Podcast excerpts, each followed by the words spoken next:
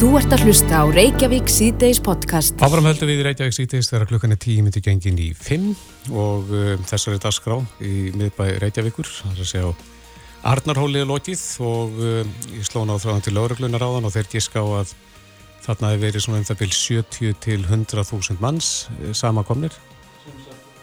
Niðurstaðan náttúrulega ótvírætt glæsileg samkóma. Glæsileg. Já. Og okkar maður, Bjarki Sigursson, fréttamaður á stöðtöðu, var á svæðun og fylgist með því sem þarna fór fram. Velkomin. Takk hjá það. Já, hvernig líst nú náðist fyrir okkur stemningunni? Sko, þetta var eiginlega, eiginlega magna, smá once in a, life, once in a lifetime dæmi mm -hmm. að sjá bara haf af fólki með skiltin og ég eiginlega fekk gæsa húði hvert eins skipti sem ég leit yfir e, Arnarhól. Þetta var eiginlega magna og að heyra öll köllin og, og þetta var bara, já, ólýsanlegt nánast. Góð stemning. Mikil stemming og mikil baróttu hugur í öllum þeim konum og kvárum sem voru þarna sem var bara, já, gífarlega, gífarlega flott. Hvað mhm. stóð á stiltón? Það stóð ímislegt. Það, fólk var bara krefjast hins og þessa bara, það sem að stóð kannski upp úr var eh, einn sem að benti á það að það var ekki hægt að bera það saman að að skiptum dekk tvísar á ári og, og að skiptum sengurver á tvekja vegna fresti. Eh, sem var svona smá, smá uh, skemmtilegt fannst mér Já, ekki gaman að mitt í alvörinni smá húmor. Jú, jú, heldur betur sko. En, en svo voru, flest skiltin voru bara fokk ofbeldi uh, fokk hitt á þetta, fokk feðraveldi og já mm -hmm. Og þarna var dagskrá Svolítið þjættaskrá. Þjættaskrá, uh, átt að vera klukkutíma, endaði einhverjum klukkutíma á korteri. Það var uh, ræður, kröftuga ræður frá, frá einum ímsu aðilum, mm -hmm. tónlistaratriði, uh, gjörningur og þetta var allt bara ótrúlega flott, allt vel æft mm. og, og bara, já, kröftugt allt saman sem kom hérna upp á svið. Ljósmyndir sem maður sér hér hér Af, þessari samkómu af þessari samkómu það, er auðvitað að fara út um allan heim já, já, og, og þetta er þegar komið í erlenda fjölmjöla sem mm. er svona sko, við kallum þetta vaktin uh, íslenskir fjölmjölar þegar það er svona í beitni verið að lýsa atbyrðum mm -hmm. uh, íslenskir fjölmjölar gera þetta mikið og Erlendi líka en kannski í svona starri viðbyrðum eins og stríðin í Úkrænu, átökin við bótt miðjara hafs en The Guardian sem er eitt stærsti fjölmiðl heims var með beina vakt frá hvenna fríteginum í dag og Já. voru þá að byrta myndir og vitna í, í íslenska fjölmiðla og fleira og það svolítið sýnir hversu stort þetta er á, fyrir, fyrir alheiminn, þetta er ekki bara Íslands dæmi, þetta er bara mm. allur alheimurinn fylgist með. Mm. Gott. En uh, þetta var mannhaf þarna eins og við segjum 70 til 100.000 manns ákvæmst eftir að slá nákvæmari tölu á það. Uh, eftir kallmenn í ofnum? Sko, ég, maður tók alveg eftir kallmennum það er ekki það að þetta hafi bara verið, verið konur, þetta voru kallmenn uh, með börn, þetta voru, voru túristar, þetta voru menn að vinna. Þetta voru, voru, var eitthvað um kallmenn en auðvitað langmest konur sem voru þarna til þess að koma saman og, og mótmæla og styðja hver aðra í rauninni mm -hmm. uh, einhverju kallmenn þá, já, já. Rættur við fólk hérna á staðnum? Mm -hmm. Þú verður vant að gera þessu góð skil í fréttum í kvöld Ég, ég mun gera þessu heldur betur góð skil í, í kvöldfréttum stöða 2 uh, Við vorum í beitni útsendingu á vísi líka og áður en dagskráin hófski ekki á milli og, og reynda að ræða við þær konur sem voru mættar ég rætti við konur á, á öllum aldri Uh, sem var kannski svona kröftugast var kona sem ég rætti við og, og ég mun sína akkurat aftur frá því kvöldfrettum sem að, sem að komið með ljósmynd af móður sinni sem að móður hennar semst mætti á baróttufundi 1975 fyrir mm -hmm. 48 árum síðan. Uh, og hún kom með semst ljósmynd af henni svo hún gæti komið á fundin aftur 48 árum síðar en, en hún er því miður látin þannig að, þannig já. Það var, var tölvöld um, um börn Já, fyllt af börnum og það var svolítið af konum með börnin sín mm -hmm. sem eru þetta eins og, eins og við rættum hérna í gær þá var það svona það sem átti ekki að gerast eða svona helst ekki en auðvitað er, hægt, er bara ofta ekki hægt að komast í, í veg fyrir það sem er bara hafinga kallmenn til að sjá um börnin eða, eða whatever. Mm það er bara, en það var fyllt af börnum og þau virtust uh, skemta sér og skilja. Mér leið þannig eins og þau skildu hvað hva máli var. Já. Það er bara gaman að hafa börn já, já, já, Góðu veðri og arðaróli Góðu veðri, þetta var flott og allir nutu sín. Mm. En Björki, þú talaði við konur á öllum aldrei hérna særu Já, heldur betur. Fannstu fyrir áherslu mun Já, konurna Eftir kynnslóðunum Já, konurna sem voru eldri og, og þær voru kannski svona aðeins eh, beinskeittari og og, og gáttu svona sett fingur á hvert vandamáli væri, hvað þeirra upplifum væri. Á meðan yngri kynnslóðan auglúslega var kannski bara meira, já þetta er ekki sangjant, þetta er bla bla bla. Mm -hmm. uh, á meðan það er eldri gáttu komið og bara sett puttan á hvað væri að, hvernig væri hægt að laga það og voru svolítið bara algjörða neglur. Mm. -hmm. einhver álíktun svona fundar eða er þetta bara sko, segir raun... þetta sína sögu?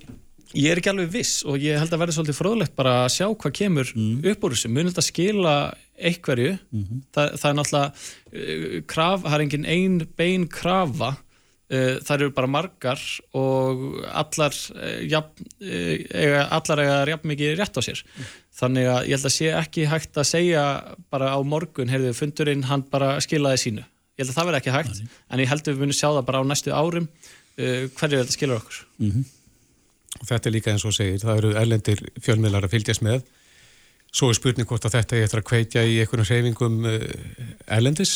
Heldur betur og, og ég rætti við fórsettisræðara eftir, eftir fundin og hún sagði sko ef að jafnbreytti á að nást eitthvað staðar þá væri það á Íslandi. Við varum svo það ríki sem ætti að eiga hvað auðveldast með það mm -hmm. en það er ekki búin að því á Íslandi uh, og þannig að þess vegna fer þessi baróttufundur fram og þessi dagur fram. Uh, þessi önnur ríki í Evrópu og um allan heim eiga sko mjög lengra eftir. Þannig að það verður já frólægt að sjá hvort að, hvort að verði eitthvað úr því og við bara vonum með þetta að það verði eitthvað. Ég, það voru, já eins og ég segi, fólk að taka myndir fyrir erlenda fjölmjöla, það voru fólk að gera heimildamyndir, ég rætti við tökulið frá Hollandi sem er að gera heimildamynd um, um jafnbreytti kynneina og þetta var bara, já, stútfyllt af erlendum fjölmjölum og öllum sem vildi bara fylgjast með og bæntalega læra. Hefur gríðarlega áhrif hefur greiðilega áhrifum allan heim. Já, við sjáum samantektina þína frá þessum fundi í fréttum stöðartöðu í kvöld. Bjarki Sigursson, fréttanaður, takk fyrir komuna. Takk fyrir. Þú ert að hlusta á Reykjavík C-Days podcast. Við erum svolítið með hugan við þennan stóra fund uh, nýra á Arnaróli í dag. Það sem að 70-100.000 manns mættu, uh, sérstaklega konur.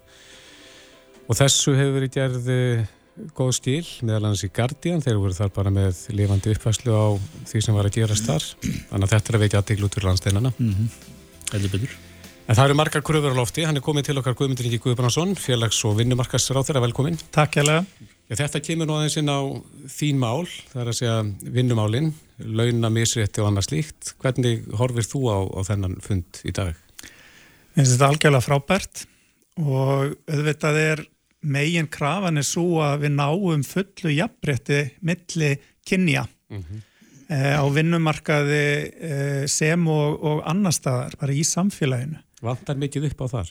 Já, það vantar of mikið upp á. Auðvitað er Ísland að standa sig mjög vel á mörgum sviðum og við erum að mælast í efsta sæti, ef ég maður rétt í 14. árið í röð á lista alþjóða efnahagsráðsins yfir þau ríki þar sem að kynjajafrétti er hvað mest mm -hmm.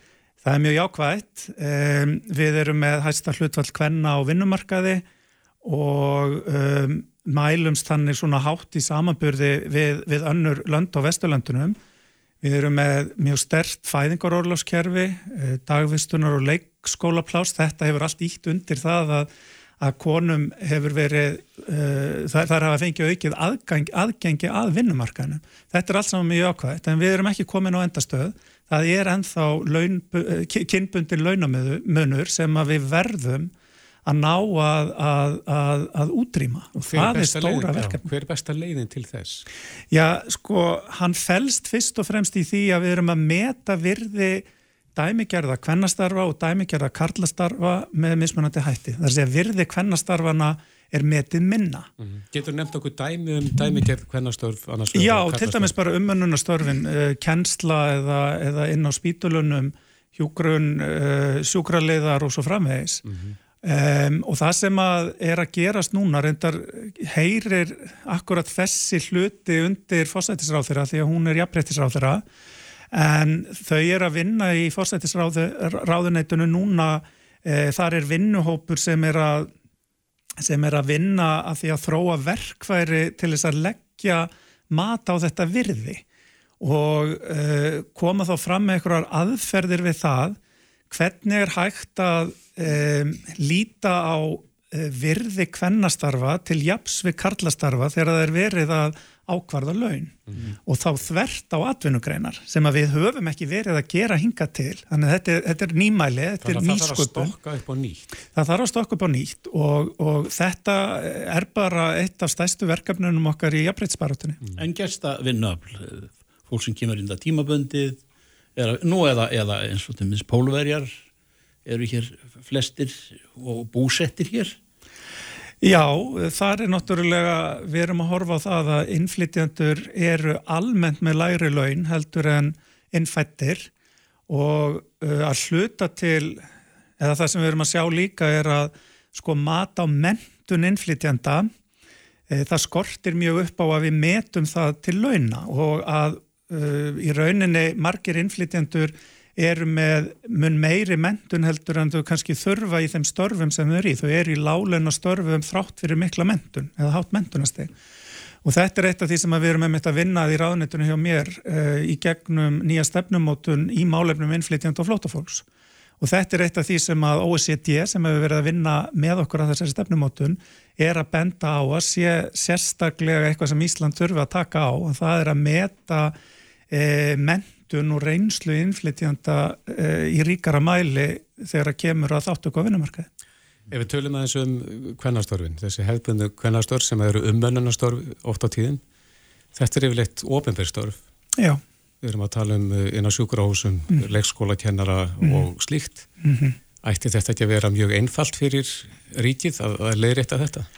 Já, það er allavega fullur vilji til þess að stíga skref í þessa átt. Ég held að þetta verði alltaf tekið í skrefum að því við verðum að stefna því og sumir hafa nefnt að það ætti ekki að vera alls ekki setnir árið 2030 svona í tengslum við, við hérna, um, um, saminuðu þjóða um, markmiðin um, um sjálfbæra þróun og það er það sem að er að gerast núna í þessum uh, vinnuhópi í e, uh, fósættisráðanettinu sem er með aðlum vinnumarkaðarins þau eru að reyna að finna aðferðir til þess hvernig er hægt að stíga skreft í þessa átt. Það eru fjórar stopnanir sem að eru í þessu verkefni þessu tilrauna verkefni sem að eru með mismunandi samsetning af fólki karlar, kar, karlægir vinnustæðir og, og kvenlægari vinnustæðir Fyrir ekki, karlægari vinnustæðir getur nefnt okkur dæmið? Um Já, þá erum við að tala um eins og til dæmis bara laurugluna það eru fleiri, fleiri kartmenn hjá lauruglunni e, í þessu verkefni líka tryggingastofnun sem svo dæmis er tekið. En um, e, þetta er og, og, og hérna helbreyðistofnun er, er líka inn í þessu. Þannig að þetta eru, þetta eru stóru málinn þegar að, að, að kemur að þessu og uh, mér langar samt að nefna líka vegna þess að það er mikilvægt að um, fyrir ekki svo mörgum árum að þá var uh, rætt um það að við þyrtum að brúa þetta byl á milli fæðingar orlofs og leikskólans. Uh, ríkið hefur núna lengt fæðingar orlofi það var gert á síðasta kjörtimabili undir, undir sagt, í ríkistjórn Katrínar Jakobsdóttur og uh, þar er hort til þess að fæðingarorlofinu sé skipt jamt á milli foreldra og svo er svona stuttur tími sem er framsæljanlegur á milli og hvað sjáum við í þessum framsæljanlega hlutar sem eru 6 vikur af 12 mánuðum? Jú, það er miklu algengar að karlmenninnis framsæli það til kvennana. Þarf að breyta því? Já, sko, það á einhvern nátt? Það sem ég held að við þurfum miklu fyrir ekkar að horfa til er að sveitafjölögin í landinu stýji fastar inn í þegar það kemur að því að geta veitt börnum leikskólaplás fyrr til þess að brúa þetta bíl á milli fæðingarorlofsins og leikskólans. Og þar verða sveitafjölögin að mínum að stíga fastar inn í því að þetta er eitt af því sem er svona kannski að, að hamla því að, að konur taki eins mikinn þátt á vinnumarkaði. En líka það að það eru vísbendingar um það að eh, konur þær eru í rauninni að tapa meiri tekjum yfir æfina á því að fara eh, að egnast börn og fara í fæðingarorlof heldur en karlarnir og það er mikið óréttlæti eh, fólkið í því. Þannig að kona, það, það er bæði kynbundulögnamunur og þetta kemur til líka, þannig að yfir æfina getur kona verið að eh, abla kannski nokkrum 20 miljóna minna í laun heldur en kallmaður. Þetta eru áhrif á uh, líferis, uh, greiðslur í líferissjóð og þar með greiðslur úr líferissjóðum á eldri árum. Mm -hmm. Þannig að í, í mínum huga er þetta stærsta málið og svo eru þetta kynbundið ofbeldi líka uh, smánar blettur á, á, á hverju þjóð.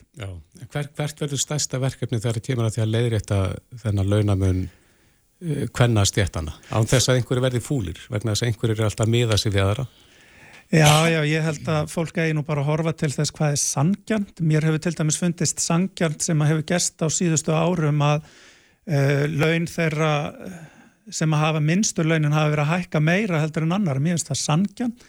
Þar eru konur oft í, í, hérna, um, í, í meiri hluta en, en stóra verkefnið er að ná að hækka laun þessara kvennastjætta og uh, mér finnst að vera þetta tvent það eru legstur launin og síðan, síðan þessi kynbundi launamunni sem að þarf að, að taka sérstaklega á Já, mm. það lítur að öskara svolítið á mann sko lág laun fyrir svona langa mentun fimm bara háskólanám fyrir leikskólakennara geta mér ekki verið samanlega um það að laun þessa hóps þurfið að hækka kannski meira en annara? Jó, ég held að við hefum einmitt að horfa á þetta þannig að eins og þú veist að segja að, að laun þessara stjætta sem að eru þessi dæmigeru kvennastur þau þurfa að hækka mm -hmm. og um, við vonumst auðvitað til þess að sjá að við getum, getum breytt við á, á næstu árum Næstu árum? Er það tegjanlegt? Eða? Já, sko, ég held að við, við gerum þetta ekki einu vetfangi Nei. og kannski enginn að ætlas til þess en þetta, við meigum ekki missa sjónar Eh, á þessum bolta, á þar þessum markmi. Þar þetta gerast í skrefum? Já, mér finnst það líklegt að það þurfi að, að gera, þetta þurfi að gerast í skrefum og eins og ég nefndi hérna áðan þá er ágætt að nefna einhvern ártal eins og 2030 þegar við viljum vera búin að ná e, jafnrétti á milli kynjana í samræmi við, við hérna, markmið saminuðu þjóðana mm. og það sem við erum að sjá að alþjóða vettvangi er að, að bara eftir COVID þá hefur eh, tíminn sem það er talið taka þjóðir heims að ná fullu jafnbreytti kynjana hefur lengst og við mögum ekki láta það gerast hér á Íslandi vegna þess að það er litið til okkar. Þið sjáu bara hvernig erlendir fjölmeilar er að fjalla um þetta núna og maður vonar auðvitað líka að viðburður eins og þessi í dag sem er algjörlega frábær að hann íti kannski líka við fólki á fleiri stöðum í heiminum. Kveiki konum mm. annar stöður? Já, kveiki konum og hvar spyrja því að því 70 til 100.000 manns í miðri höfuborg Íslands gefur náttúrulega þeim sem það ekki ekki til hér, hér á landi hugmyndum það að þetta sé nú að minnst okkurst eitt hverju í stórborginni Reykjavík sem að kemur alltaf til, til þess að hafa haft og, og, og segja frá stefnum sínum í málefnum lífsins. Þú, þú hefur orðið varfið það að, að, að samkomur af þessu tægi hér hafa áhrif Já, já, ég, ég held að og ef við horfum bara til sko hvernafrítagsins 1975 þetta er eitthvað sem að, að hérna, mæður og ömmur fólks á mínum aldri og ég nú bara verða 50 tala, tala um sko. Eh, ég held að þetta hafi ítt af stað eh, alveg óskaplega jákvæðum eh, svona, eh, ítt undir jákvæð strömmkverfi í íslensku samfélagi og við minnast þess nú að Vigdís Fimboðdóttir hefur stundum nefnt það að, að þetta hafi nú verið eitt af því sem að hafi gert henni kleift að, að e, koma til greina sem fórseti Íslands fyrst hvenna í líðræðislega kjörin e, og svo margt, margt fleira sem að verður til upp úr þessum degi. Og við getum síðan nefnt alls konar önnur mótmæli sem að sem að hafa verið, verið haldin hérna í, um ímis málefni. Já, það verður spennend að sjá hverju þessi fundur í dag skilar. En mér langar að nefna eitt að ég má að það er það sem að snýra eh, kynsegin fólki og transfólki. Mm -hmm. Því að ég er mjög ánaðið með að sjá að það var líka áhersla á þennan hóp í hvernig verkfællinu í dag.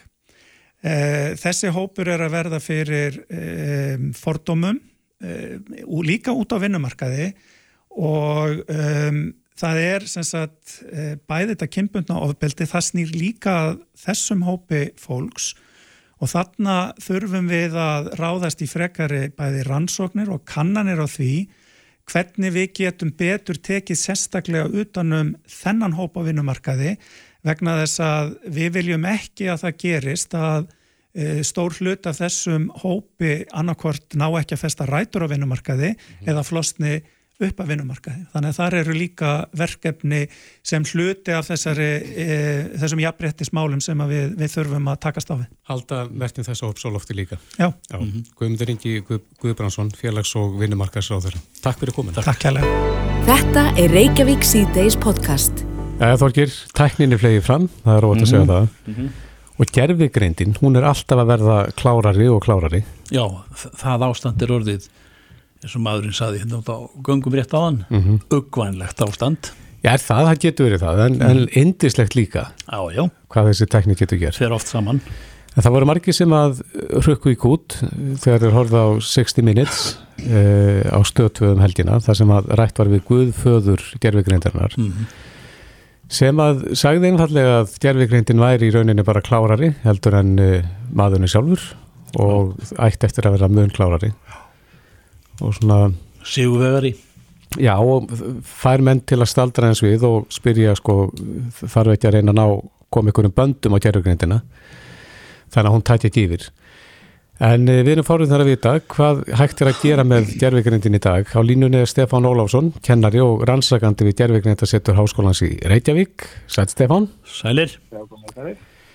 Já þú vantalega hefur tekið eftir þessu viðtali við, við höfund gerfugreindarinnar, Guðföðurinn sjálfan. Já, ég kannast nú við þessi ummæli, kannski ekki þessi nákvæmlega þessi orð sem maður fóru fram um helgina, en, en hérna, jú, ég hef hitt síðbaðan hérna talanda frá honum uh, Hinton. Já, en uh, það er ekki langt síðan að við byrjuðum að tala um gerfigreindina svona fullri alvöru. Það var ekki fyrir að chat-GPT kemur fram á sjónasviði með þessa ofurtölvu.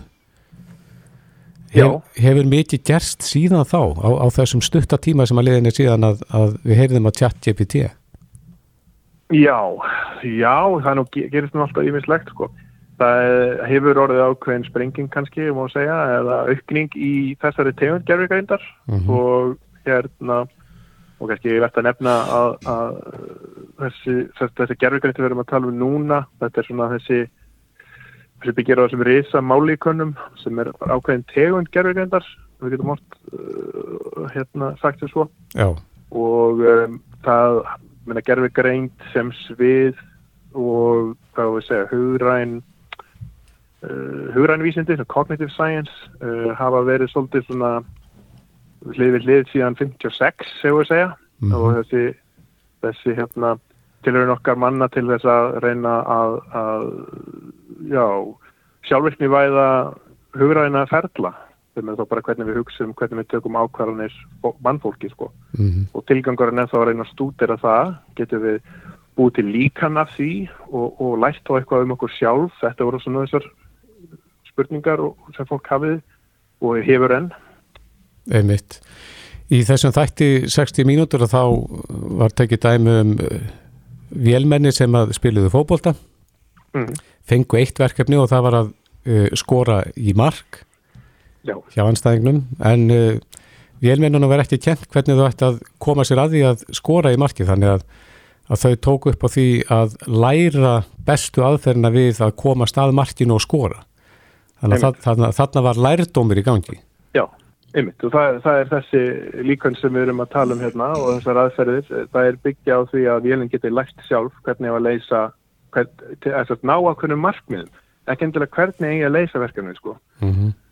Og þessar pælingar hafi verið í gangi um þó nokkur skeið hver, og ímis líkvönd eða aðferðir til þess að gera þetta, uh, að, að, að vél, mótel eða hugbúnaðar getur lært sjálft hvernig eigi að leysa verkefni og og það skiptir svolítið miklu máli sko hvað markmiðið er, ekki satt mm -hmm. uh, vélmenni sem er að spila fókbólta það svolítið skemmtilegt. Það er bara hérna horfi kringu sig og, og átt að segja á því að þarna er sko, það, það þarf að byggja eins og þetta eitt markmið, það er að þú, þú ert að hitta hér sko, hérna er mark, merkjum það. Mm -hmm. og uh, þú er ekki sama lið og þess, þessi vélmenni hér og, og gjur þau svo vel. Uh, nú skulum við læra hvernig að, að ná sem hægstum stegafölda og, og þau læra það með því að hlaupa á veggi átt að segja að þetta skilur sér ekki vel nú þarf ég að breyta hvernig ég gera ég ætla að prófa að hlaupa ekki á veggi. Já, ok, það virkar, ég ætla að prófa að senda hérna á hann vinn minn skiljiði, og svo, svo byggjast upp byggjast upp þessi þekking á þessum leik út frá því að, að reyka sig á bókstala um, og við getum spurt okkur þá hvað er þetta sam, þessi sami mekanismi settur inn í annað samhengi? Mm -hmm. fókbóltinu er nú ágætilega saklaust þegar við horfum á vilmennin reyna að spreita sig á því en það breytist ef, ef við reynum að, að við setjum upp að kannski svolítið alvarleiri leik Já Já, það er náttúrulega draumurinn er að þessi tækni verði nýtt til, til góðs en, en ekki til íls og það er nú svo sannlega hægt líka. En, hver er draumur manna að, að gerðveiknættin geti nýst til þess að gera hvað svona, til góða fyrir mannkynni? Ég held að það sé alltaf, þetta er bara sama spurningin held ég sko og við höfum alltaf spurt okkur. Við höfum verið á þessum ás síðan við vitum á okkur sko, ekki satt. Mm -hmm. Hvað er það sem við viljum í raun? Við viljum sjálfverkni væða hluti, ekki satt, af hverju? Svo við þurfum ekki að gera það sjálf. Af hverju viljum við ekki gera það sjálf? Kostar tíma, peninga um, fólk meiðist. Við viljum ekki meiða fólk, við viljum ekki þjást. Ekki satt? Mm -hmm. þessu langt ætlum við að ganga sko og þú veist uh, þetta, þetta er þessar stóra spurningar sem við stöndum frá með fyrir og höfraunin er alltaf gert sko en það er kannski starir okkur daldið í augun núna þegar við sjáum fram á möguleikan á því að, að já, gerfi greint eða, eða, eða hvað við segja, eitthvað greint greint fyrirbæri eða eitthvað sem getur gert eða framkvæmt uh, gert hluti í, í okkar nærumkörfi sko, uh, fái bara leikalauðsum hala sko, veist, við sjáum það í hendi þá þá fer þetta að vera doldið öðruvísi en bara, herru, við viljum að sjálfverkjum aðeða lýsinguna heima hjá okkur, sko. Hérna íti og rofa, ok, það bara kviknar pera, sko. Mm. Hvað með að finna, finna lækningu við sjúkdómum? Er við að nálgast að að gerðvigandi geti gert slíkt? Já, við skulum, við mitt reyna greina svolítið á milli, sko, gerðvigreind er ekki bara gerðvigreind og, og hérna, og þetta er rauninni doldið galla haugtak ef ég á að vera reynskilinn, mm -hmm. þetta er bara eins og kallast bestunar aðferðis ég menna þetta er bara sko hvernig getur við hérna uh, sko verið skilvirk í því að komast að niðurstöðu? Þenni tölfræði sem verður að nota tölfræði líkun, bara klassísk tölfræði líka sko.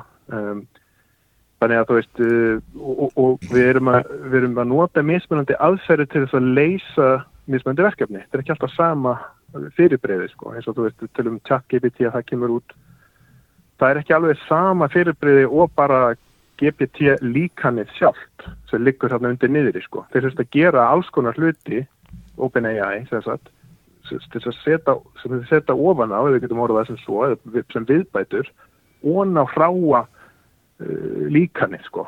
Mm -hmm. veist, líkanið hrátt, eða bara eins og það var þjálfuð, það gengur ekkert sko, það virkar ekki beint úr kassanum sko. En að því ég nefndi hérna áðan, eh, Stefán, ég nefndi hérna áðan að hvort að gerðvigrindi gæti verið nýtt til þess að finna lækningu við sjúkdómum. Hvernig færi gerðvignindin að því? Já, það er svolítið stór spurning. Um, sko, ef við erum að tala um bara livjöfinningu til dæmis, mm -hmm. þá, þá gætur við nota líkan eða aðferðisori sem að nota hérna gögn úr því hvernig um, prótein virka og þetta er algjörlega eftir sjúkdómum, sko, nú er ég bara að skalda eitthvað. Það myndir nota þessi gögn og kannski í einhvers konar lókuðu umhverfi myndið að gera hálgerðar tilröðinir uh, bara að vera að tala um í virtual umhverfi sko, bara í mhm. hugbúnaðinum sjálfum gera tilröðinir á því hvort að kemistrían gangi upp þegar að prófar mismunandi samsetningar á livjum til dæmis og þá getur við bara að sé að já ok, herri, þess, þessi samsetning virkar þetta getur fólk auðvitað gert og gerir en þegar við erum með vél sem bara gerir þetta þúsundsunur hraðar eða meira, veist þá náttúrulega liggur í augum uppi að þetta geti verið eitthvað sem það geti gert sko. Mhm.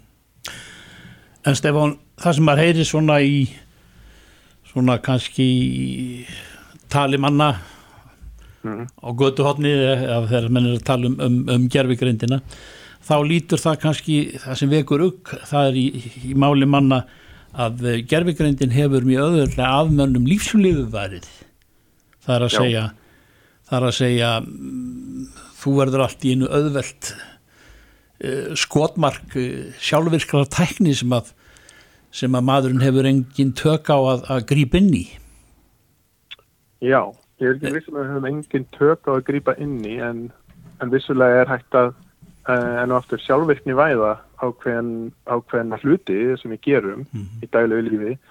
Ég veit ekki fara yfir ykkur skjöl sem er svona rútínu skjöl. Uh, þú getur kent kannski ykkur kerfi að, að framkvæma það bara fyrir þig en og þá færi maður í einhvers konar svona editor hlutverk að vera reitstjóri á texta eða öðru sem kemur út úr þessum vélum sko. Ef, ef, ekki nema sko, svo er þetta að fara að ganga skrifinu lengra og segja bara, herru, hún sé bara alveg um þetta og hérna kemur eitthvað út og ég bara treysti því. Og á hvaða tímapunkti sko verður við komin þanga algjörlega sko, ég minna það er erfitt að segja og, og það er, eins og við vitum líka að það er rosalega margt sem getur farið úrskeiðis varandi þessi líkön og, og við sjáum að það sem kemur út úr þessu, það kemur ekkert alltaf rétt út kemur ekkert alltaf réttu texti.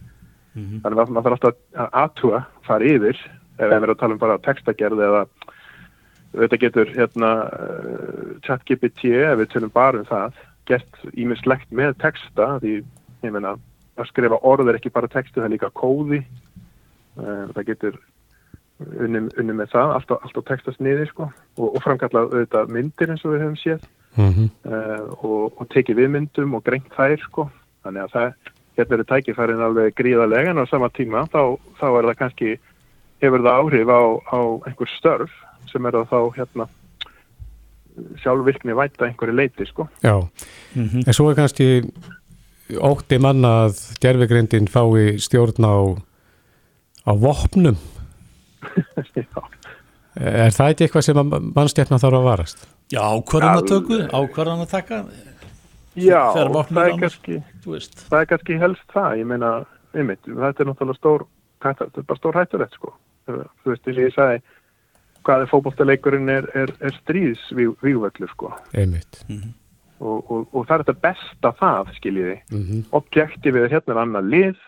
Hér eru bara hérna robotar í staðan fyrir að vera með fætu til að sparka í bolta þá eru þau bara með vopn skiljiði og, og, læri, og, og lærið þetta nú velminni mín og, og, og sjáum hvað gerist. Ég meina þetta þetta, hljómar algjörlega ömulega Já.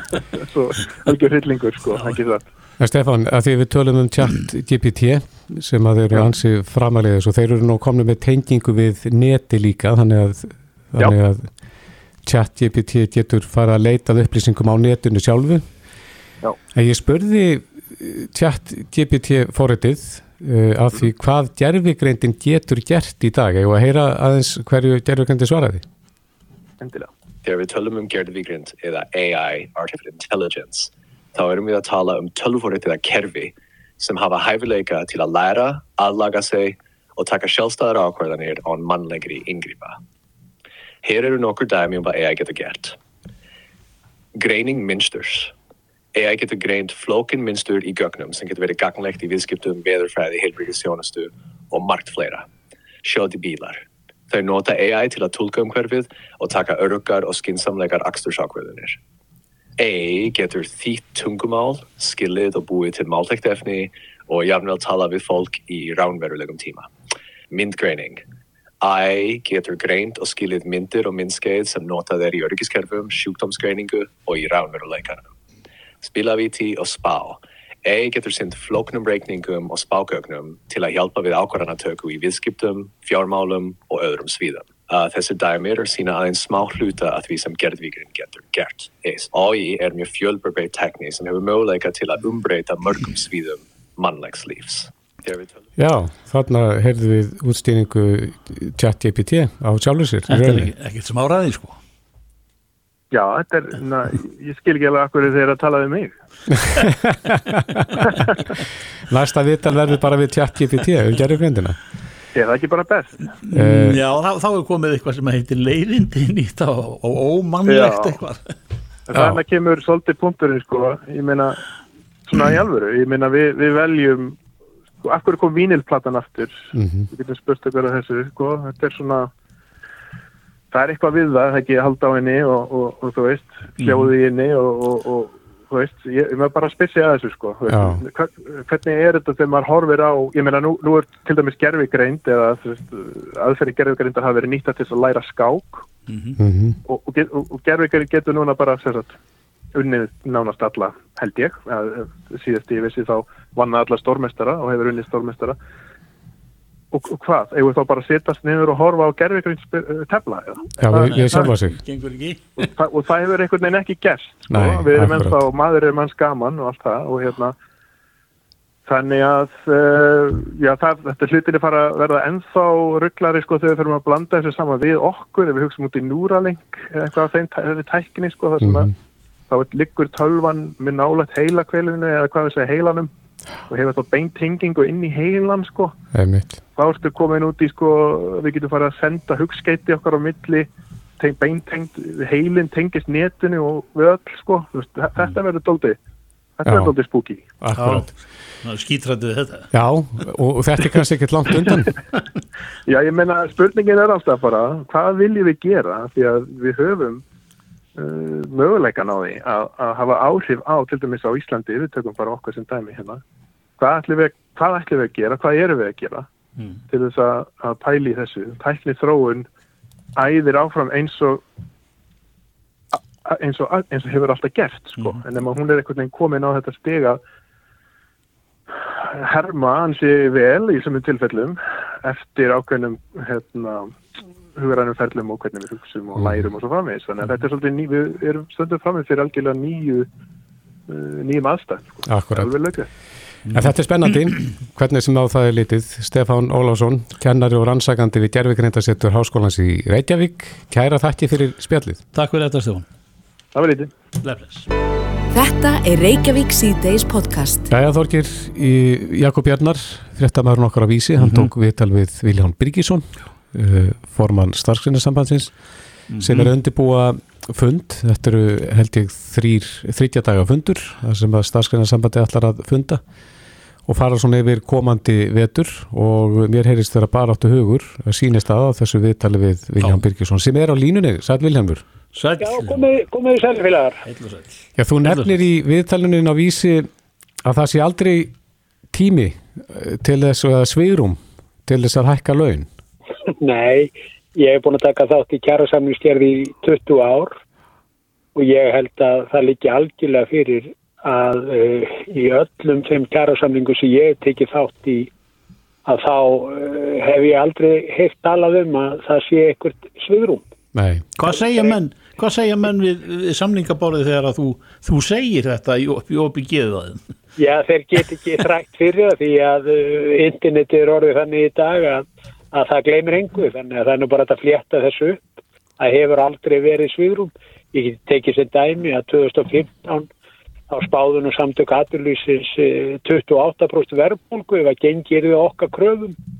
Niðurstaðan var þess að svo að við náðum hvað eitthvað stærri kringum svona 80-90% af okkar kröfum fram en verðbólgan á þessu tíma var það einungis 2% þannig að þetta er bara partur af þeim ræðslu áróðuri sem er í gangi og hverjum tíma fyrir sig þegar í aðræðanda kjærasamninga hjá verkafólki en hins vegar stöndum við frammi fyrir risastóru viðfórsefni sem er eh, verðbólga hér sem stendur núna í 8% og við erum hér með stýrivexti upp á 9,25% þannig að verkefni sem er fyrir framann okkur er, er risavaksinn en er erfiðar í slíku árferði Vilhelmur að, að hækka launin? Að, sko, þetta er bara verkefni í mínum huga sem við þurfum að setjast niður aðeila vinnumarkarins og, og í mínum huga ef að menn alltaf ná hér langtíma samningi þá er algjörlega bráðnössilegt að stjórnvöld og sveitafjölu komi að slíkum, slíkum samningi e, til að e, hægt sé að ganga frá samningi til langstíma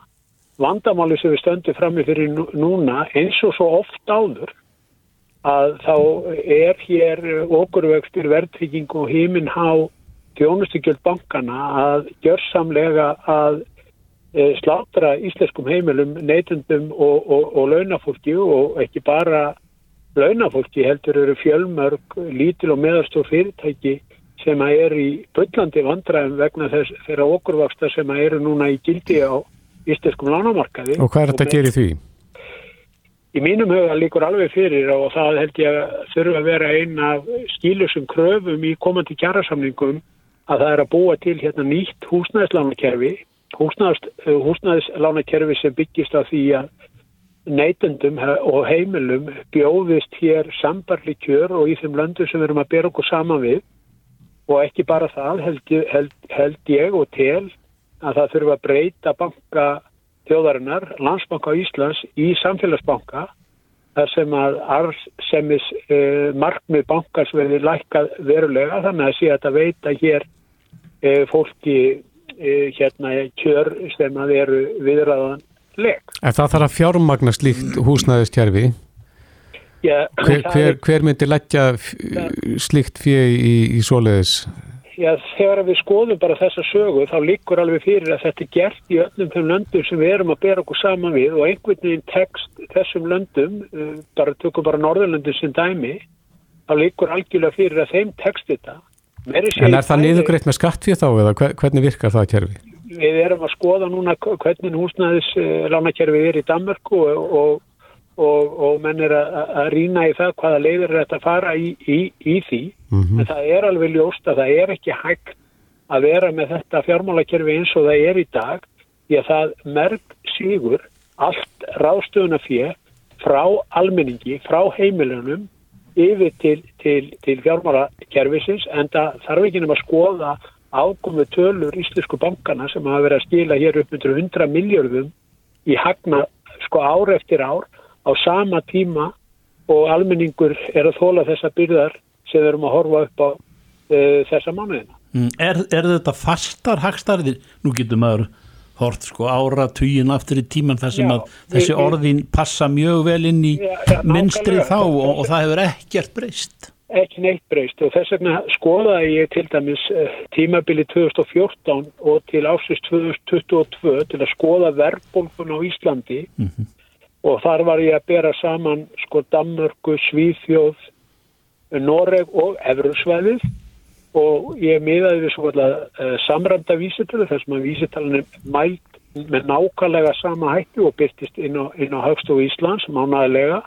Þar kemur í ljós að frá árunni 2014 að þá er verðbólgan á Íslandi bara með sambarlegum hætti og á Norðurlöndunum og á Efrisvæðinu, en takkið eftir, takkið eftir, þrátt fyrir það þá eru vextirnir á Íslandi sem íslensku neytundum uh, bjóðast 100 og, og eða tæmlega 200% um herri heldur en í þessum löndum. Þannig að það verðist ekki skipta einu sinni máli þrátt fyrir að við séum með verðbólkuna mjög lága eins og var til dæmis sérstaklega á árunum 2014 til 2019 þar sem að hún var sko langt undir neðri vikmerkum Sælabankars samt var verið að bjóða neytundum hér eða heimilónum rúmlega 7% vexti að meðan að var verið að bjóða í Finnlandi eh, vexti til 30, 30 ára upp á 1,35%.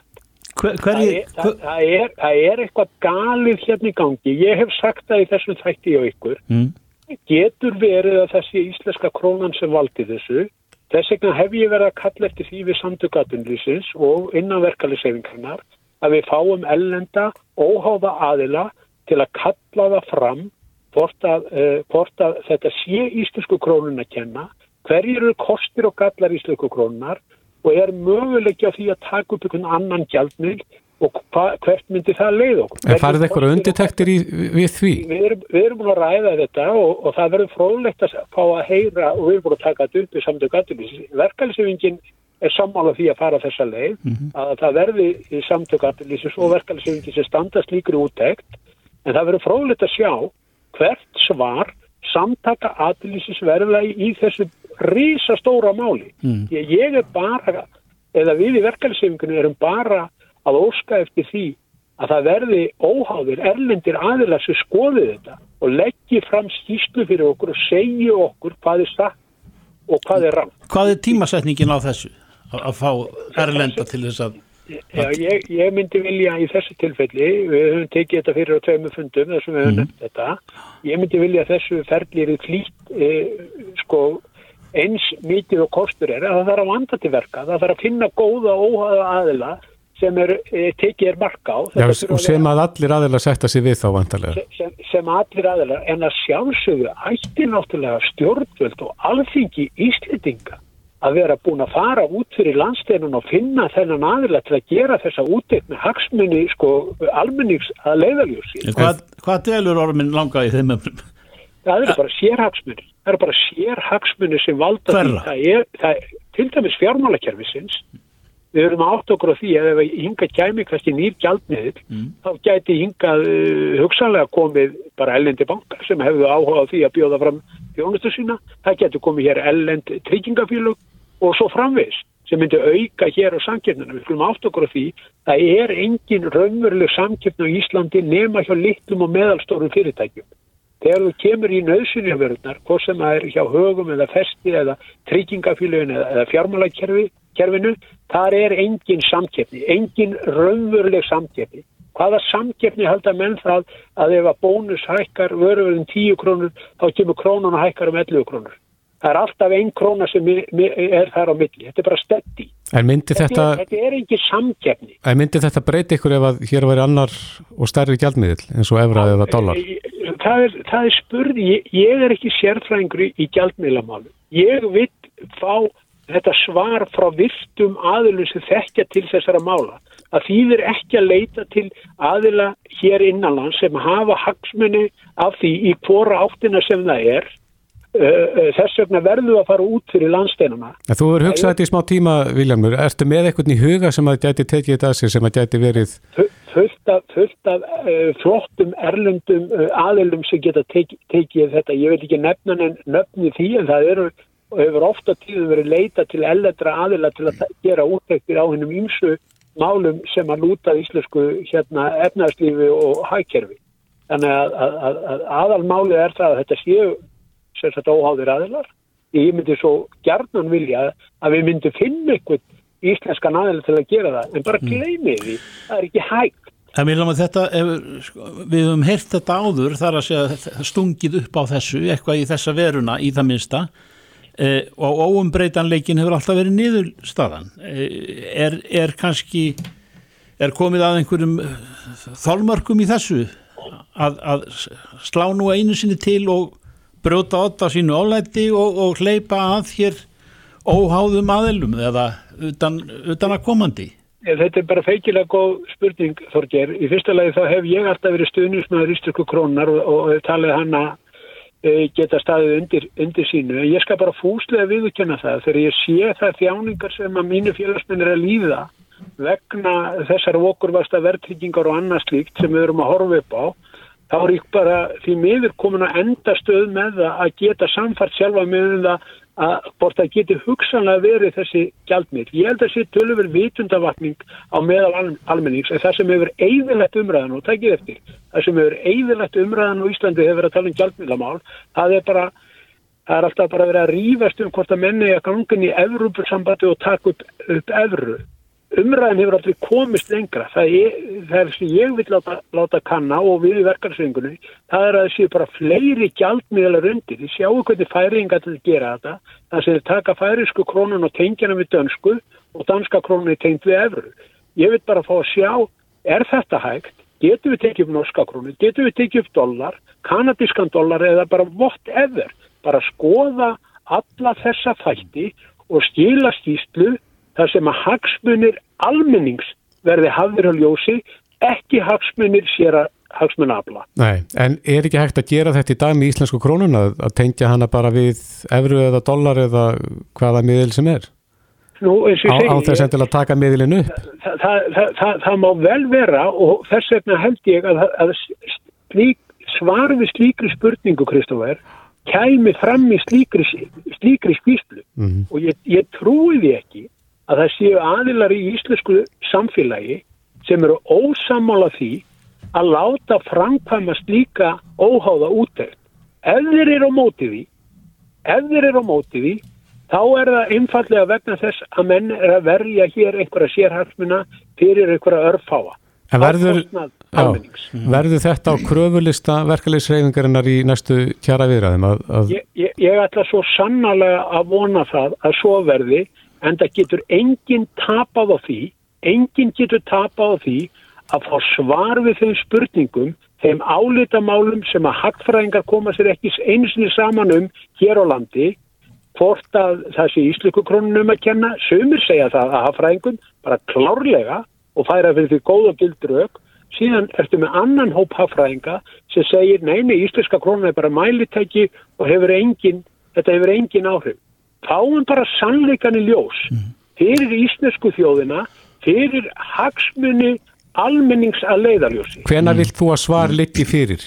Eins fljótt og kostur er. Nú þekki ég náttúrulega ekki hversu viðamikið svona uh, verkefni væri, en ég held að sé mjög mikilvægt að fá fyrstulega svar frá samtökum aturlýsi sem fyrst, hvort að þessu ekki sammála því að það verði verkefnisefingin og samtöku aturlýsi sem ráðist í þetta verkefni og hugsa ykkur, slagkraftin sem er fólkin í því, ef það er samtök aturlýsis og verkefnisefingin sem kalla eftir slíkri úttækt, í því er fólkin mikill slagkraftur en það eru þið daburlegt ef að samtök aturlýsis myndu ekki vilja taka fátt í slíkur úttækt. Viljámi Birgisson, það er komið af vegamótum í þessu máli. Við, Já. Við bara... Ég, ég, get, ég get alveg sett að það er komið að vegamótum í þessu og ástæðan fyrir því að ég segi íslenskum heimilum er að blæða út vegna þeirra sko okurvaksta og, og, og, og, og, og, og mikils fjármars kostnaðar og það gengur ekki uppstrákar að setja plástur á slagaðablæðingu. Nei. Ég líki, líki þessu við slagaðablæðingu sem að heimilin er að verða fyrir sko ár eftir ár og nú þurfum við að ráðast að meinunu og, og finna orsekina hvað er það sem veldur þessari blæðingu. Viljamur, hefur þú hugsaður að fara bara þing og bæra styrir þessu þar? Ég eh, er ekkit vissum að, að rödd mín myndi heyrast betur heldur hún gerir í, í dag sem fórustumæður í stjættafélagi. Ég bara, og ég er svo hrættur um það, hérna, ég ætla bara að viðurkenna það, ég, mér hefur verið búið að taka hér oddvitasæti í stjó- á stjórnbálaflokkum. Ég hef haft marga möguleika á því að taka hér, hér sæti mjög framalega á listum.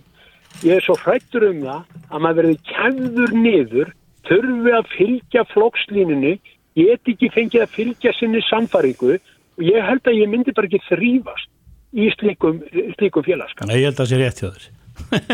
Það er bara þannig. Ég get gæti það ekki. Nei. Einmitt. Látum þetta vera loka orðin. Vilhelmur Bryggjesson, formaður starfskreina sambandsins. Takk fyrir spjallið. Takk, takk. Sömulegðis, takk, takk. Reykjavík síðdeis á Bilginni podcast. Jæja Þorgir, aðalfundur Læknafélags Íslands var haldinn á föstudaginn, Mm þar sem að læknar uh, komu saman og rættu sín mál. Já, það er af sem áður, eða það er komið á svo margt sem áður, var ekki, Já, segi ég nú sem búin að vera lengi í þessu en, en uh, það er gott. já. Nú einn af þeim sem satt hennar fund var Theodor Skúli Sigursson uh, frá félagi Sjúkraháslækna, situr í stjórn Læknafélagsins fyrir hönd félags Sjúkraháslækna og hann er á línu og kom til sæl. Sælir. Góð daginn, það er sælir. Já, uh, hvernig var andin á, á fundunum? Hann var góður, það er mikil samstæða um að bæta heilbriðismál og vinna í þessum málum til framtíðar. Já, og það var nú nokkur mál sem að þið ákváðu að álíkta um sem að ykkur finnst að standa kannski mest upp úr að þessu sinni. Það passar, það voru tæpla 80 aðalflutu fulltrúar og við laðum fram 10 álíktanir, þannig að það var mjög, mjög sagt, mikil vinna sem fór í ganga fundinum og, og við álíktum um mikilvæg mál hana. Já, hvað er svona efst á baugi þar? Hvaða mál teljið þið svona mikilvægast að takla? Það var svona almennt í stöðu heilbriðismála, svo komur líðheilsumál þarna inn líka, samt við áfengist tópaksvarnir, mönnun í heilbriðiskerfinu Mm og svo stöðu landsbyðarinnar hvað var það sjúkrahús og svo komum við líka ná réttastu helbriðistarsmanna en það er sett verið að vinna í eh, lagasetningu núna hafum klára lög, ný lög um eh, réttastu helbriðistarsmanna sem að, sem að að taka og bæta það ástand sem það er. Ef við byrjum, Theodor, á, á álöktun ykkar um mönnun í kerfinu, þar er þess að mönn, læ, lækna, hvað, hvað skorið á ríkistjórnin að gera þar?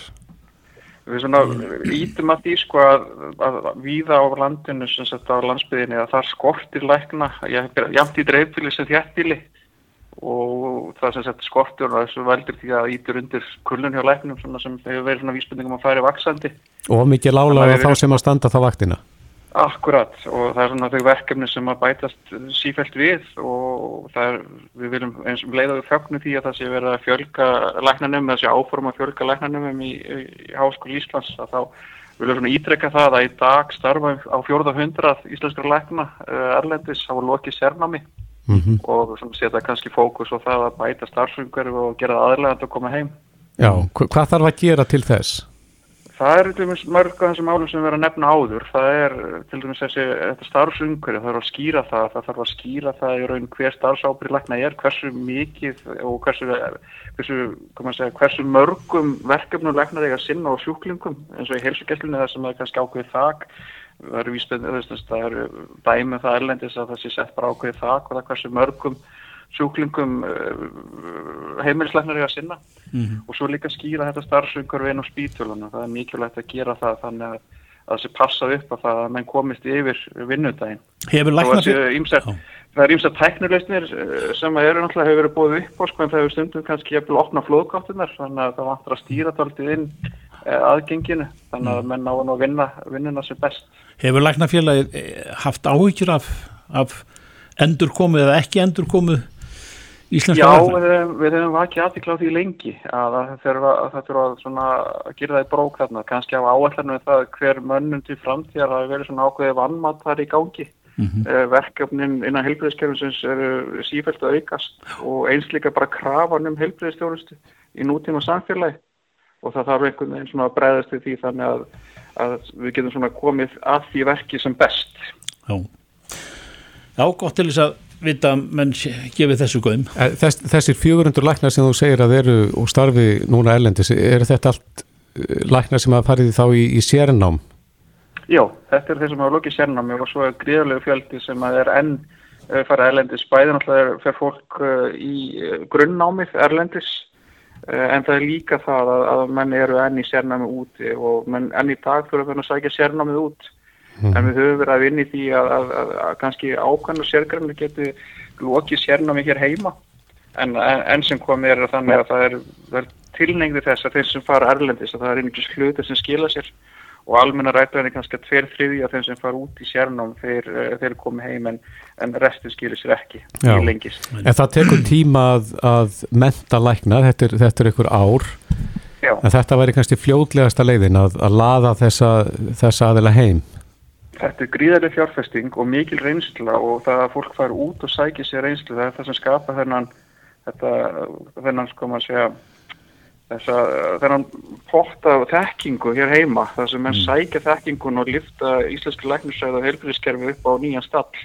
og færa það inn í framtíðin og það er svo mikilvægt að fara erlendis og sækja þessa þekkingu en við þurfum að passa upp á það að, að umgjörðin í vinnuumgjörðin og aðstæðu séu þannig að að íslenski læknar sjá að hagsinum best borgið að koma heim að því að það er heilmikið mála rífið fjölskylduna og fara út í sérnám og það er ennþá meira mála rífið svo fjölskyldu sem kannski hefur verið erlendis uh, upp, í, upp í áratug að koma heim í aðstæðu sem eru svona óviss og það er efnahagsmál, það er húsnæðismál, það er annað, það er starfsumhverfi, það er réttaröryggi uh, þannig að það er mikilvægt að vinja þessum málum og eins og ég nefndi áðan nýju leginu sem þið réttustu helbriðstarfsmanna og setja á hlutlega refsábyrð, þetta er allt, allt liður í því að bæta starfsumhverfi heilbyrjastarfsmanna mm -hmm. Einu sinni heyrið maður nú af því að, að menn vildi vel flestir og læknast í þetta enda ferilinn heima. Er það, er það, er það eitthvað svo sveita mennska til en þá Þauðin er sterk. Já, sannarlega, en það er ofta ekki alveg nóg að því að það er þannig að ef maður ílengist erlendis þá er þannig að börnum að verða fullorðnast verða ullingar og svo fullorði fólk fyrir námerlendis mm. og kynni síðan bara sínum mögum erlendis og þá er maður nút aldrei fastum með annar fótinn erlendis. En, en ótrúlega sagt, það er töginu sterk og fólk leitar mm. heim en, en það þurfa að vera aðstæður og svígrum til að fólk komi heim. Sjálfsög En aðeins um líðhelsu málinn, þið hafið áhyggjur af áfenginu, hvað álöktuðum það, hvað vil ég gera varandi áfengið? Við erum alltaf að sjá um hvernig sko samfélagsminstri uh, hefur breyst, drikkjuminstri Íslandinga hefur breyst uh, að þó að það er kannski dreigið áfengisnæsli yngstu aldursflokkana þá hefur hann aukist dagdrikjan hjá eldri borgurum. Mm -hmm. og síðustu ára tíu hefur við séð breytindi í markja sjúkdómar sem hér áður fyrir sáustekju Íslandi eins og til dæmis uh, skorpurlefur hafa farið mjög vaksandi og maður er farin að sjá þetta meira í meiri sjúkdómsbyrði inn á spítulunum. Þetta er erfið sjúkdómar eiga við, oft, óafturkræfar afleðingar uh, sem hefur ári á ímis hérna, lífvarakerfi. Mm -hmm. Hvað geta stjórnvöld? Maður er farin að sjá þessum merkjum sem ég er gjörgæsluleiknis. Maður er að sjá þetta bara í hver einustu vík og sjúklingar sé leggjast að gjörgæsludelta vegna afleðinga áfengistyrkju. Já, já. Hvað geta stjórnvöld gert til þess að, að taka á þessu? Sterkasta forverðinu sem aðgangsstýring þannig að við viljum svona allan að menn fari að sem fyrr beina sér fyrir því að aðgengi áfengi verði ekki uh, jafn auðvelt og kannski verið. Og það við sjáum um vísbendingur það sem er netvæslun og heimsendingu að, að það er verið að stíga ákveðin skref og, og vika ramman Eru læknar á móti því? Já, við viljum allavega vita með sko allt sem að auðveldur aðgengi mun auka neyslu og með aukinni neyslu þá munum við sjá aukningu notkun og afleiðingum áfengisneyslu mm -hmm. og um leið náttúrulega mikilvægt að, að, að mann passi på það um leið með stýra aðgengin að maður stýrja við það þá sem eiga við áfengisvand af allir stífum að það sé farið í snemmingrip og við hjálpum fólki sem hefur mist högin. Svo er það önnur fíkn, það er, er nikotínið. Já, Hvað vil þið gera varðandi? Það hefur alltaf breytingu sko, alltaf bara úrval á nikotínu vörum hefur aukist síðustu ár Mm -hmm. uh, með tilkomið nikotínbúða uh, og vöku og annars líks. Uh, við sjáum því hvernig hefur neysla á, á, á nikotínu aukist í yngstu aldursflokkum. Það er líka, Afleðing af, af, af, af nikotínbúðum og, og, og vörum að það hafa aukist slísabyrlanir barna sem hefur verið fjallað um í fjölvölu sem er náttúrulega lífsættulegar eitranir. Ó. Þannig að með því að setja ákveðin umgjörð og setja kannski þessar vörur allar undir tópásvarnarlög þá var þetta enn og aftur hafa áhrif aðgengið og halda betur utanum þetta. Þetta er og auð- auðvitað vörur sem að falla til livjalögu svo nikotintikki og, og nikotin uppbótalið að þau verði aðskilin sem fyrr. Já, það er mikil ágangur í auðlýsingum. Það er mikill aðgangur og veldur fyrir svona bragðefn og annað slíkt. Það er auð- augljóslega verið að Mhm. beina sjónu sínum að yngsta neytandahópum. Eh, og það er náttúrulega kannski hættulegt að það er þetta ítur undir fíkn og, og einstaklingar sem því að þurfa síðan að glíma við það síðar lífslegin að, að losa sig undan henni. Einmitt. Við erum svona bara að tæpa á því helst á kannski við endum þessa yfirrið á e, lifjaskorti sem Já. að, sem að læknar hafa áhyggjur af. Hver er Já. staðan þar og, og út af hvað gengur ykkar álugtun? Einhvern veginn er tilfinningin að sé endur tekin álíktun uh, aftur og aftur en þetta er svona við kalla eftir aðgerðum vegna lífjaskors til að tryggja öryggi sjúklinga. Við sjáum hvernig lífs, lífslausileg lifi er ekki fáarleg, uh, hafa jafnvel ekki markaslega á Íslandi og, og jafnvel ekki verið markasett af lífjafyrirtækjum á Íslandi.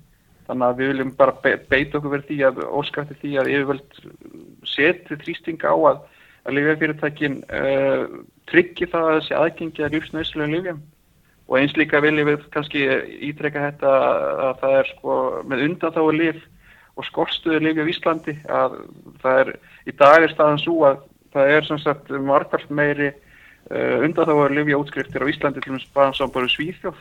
Og, og, og þegar að við skrifum undir undanþáu lifsæla sem er gríðilega mikil vinna, auka vinna fyrir lækna að, þá erum við jafnvel sett undir þann hatt að þurfa að byrja ábyrð á uh, þessum lifjum og útskriftum þannig að það sé í raun ekki undir sko í verkaring lækna að standi slíku. Þannig að það er mikilvægt að það sé gengið fram í aðgerðir til þess að tryggja það að nöðsilega lífsjóðu til staðar. Og ég veit að þetta samtalið er farið fram uh, við heilbyrðisráðurinn hittið og, og við erum að vinna í þessum málum. En það þarf alltaf að vera að halda áfram að hamra og vonandi hóla strópin steinin svo að við getum séð fram á það að við tryggjum þetta aðgengi. Hefur fólk orðið fyrir eh, miklu heilsu tjóni eða látist vegna skorstins?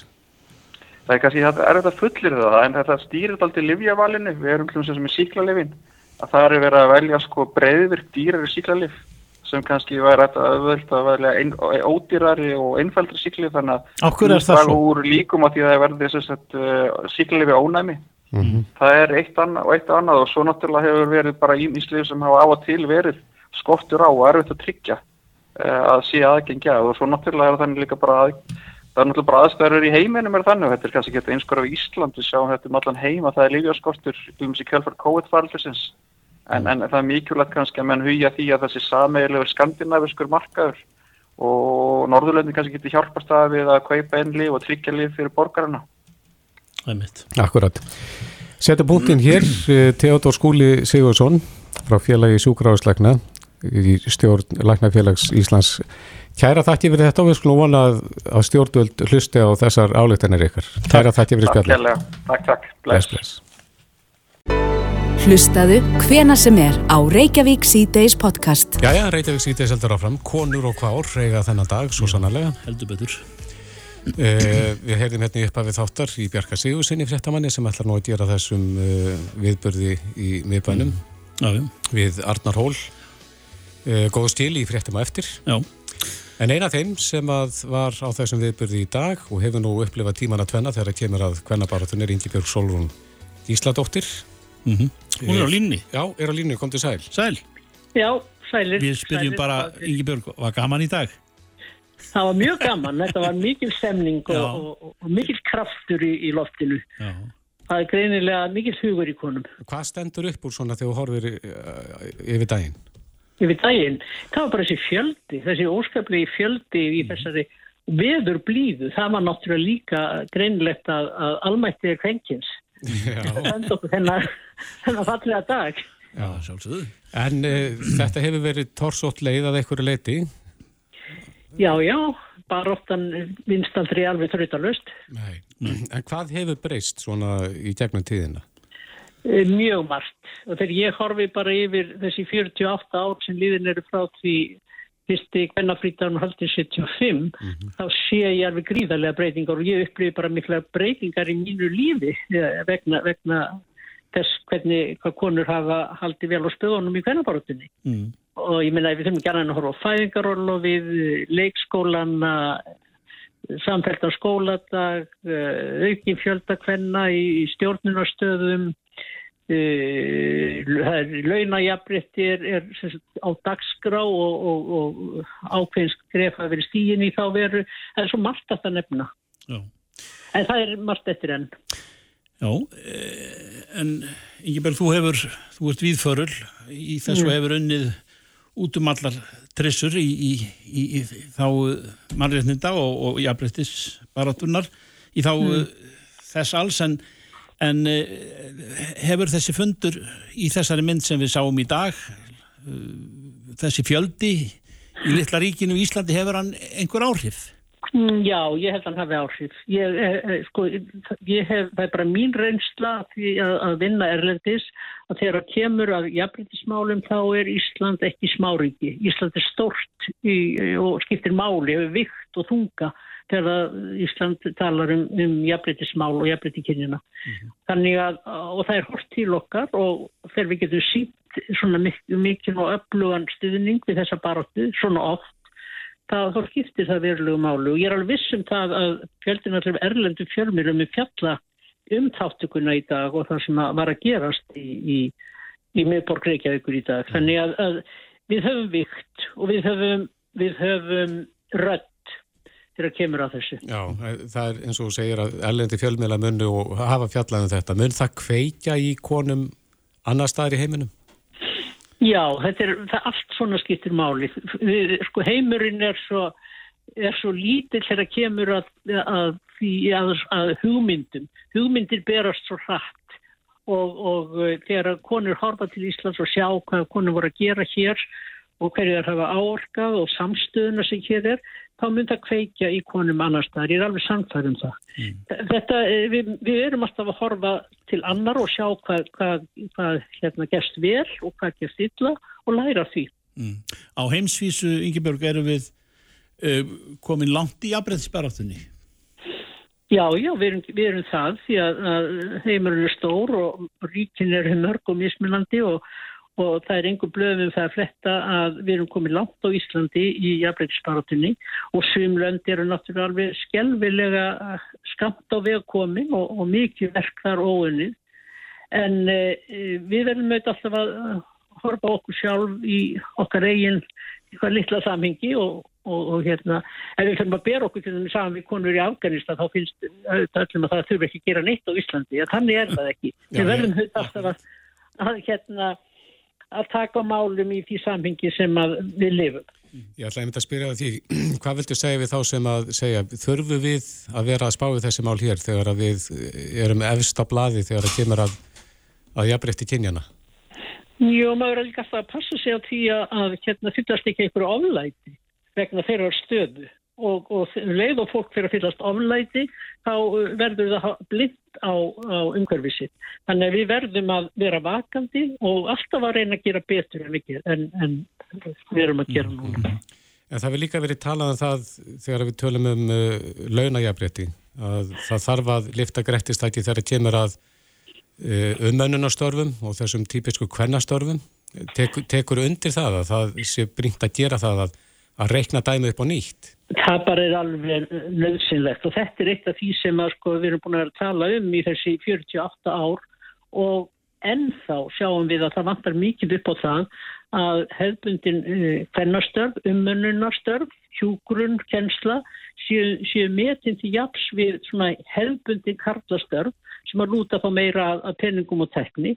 Þessi fennastörf lúta umhyggju, kjenslu, fræðslu mm -hmm. og þau eru enn of illa uh, launuð og illa metin til launa í samfélaginu. Þetta verður bara við þurfum okkar besta fólk í þessu stund. Já, vinnumarkaðsá þegar var hérna hjá okkur fyrir dag og og nefndi 2030 að þá ættu að miða því að vera komin þangað e, telur að verði hægt að ná samstöðu um það far ekki alltaf einhverjur í fílu sem að miða sig við næstu stjætti hliðina Jú, það er náttúrulega alltaf svo liðs að menn er að miða sig við hver aðra ég held að þetta sé nú alveg satt um það í samfélaginu svona í orði hverðina mistakosti að, að þetta þurfa laga og ég held að allir viðurkerði það En uh, það er náttúrulega ekki nóg að, að samþykja þetta í orðikvæðinu. Það þarf að stíga raunhaf skref og það þarf að grípa til þeirra aðgerða sem duga.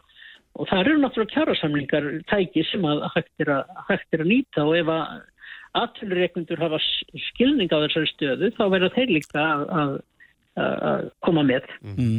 Uh, vel hefnaður fundur í dag á... á Arnarhóli, eh, við erum að geta okkur til um það að, að svo mynd af Íslandi sem að berst út um allar trissur á jörðinni kom okkur til eh, góða og allt það en, en eigur þetta ekki líka aðtegli og ferðir fólk sem er að sækja fram í jafnbreytti sparáttu víða um heim hinga til Íslands?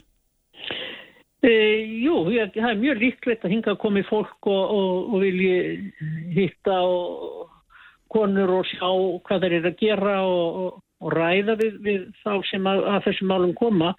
En ég held að það sé nú engin massatúrismi sko.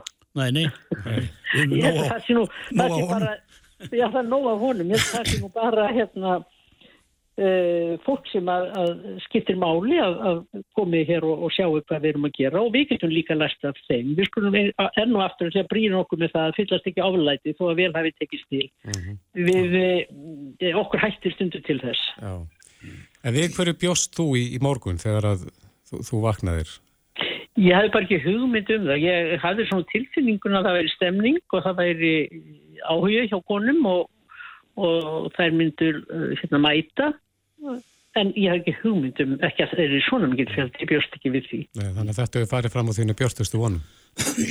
Já, ég, ég þorði nú bara eiginlega ekki að hafa neinu sérstakka voni ég, sko, um það hvað er þið marga ég bara vonaði það, það besta en svo býr maður sér líka alltaf um til að besta. Mm, Ingi Björg Solungils, þetta er uh, góður dagur í dag. Mjög svo Mjög svo. Lengi minnum haður, segjum maður á þessum degi að því að svo tókst vel til. Já, við segjum bara til hammyggjum með daginn. Hammyggjum með daginn. Takk fyrir spjallið. Takk fyrir takk þetta. Fyrir, takk fyrir. Reykjavík síðdeis á Bilginni podcast.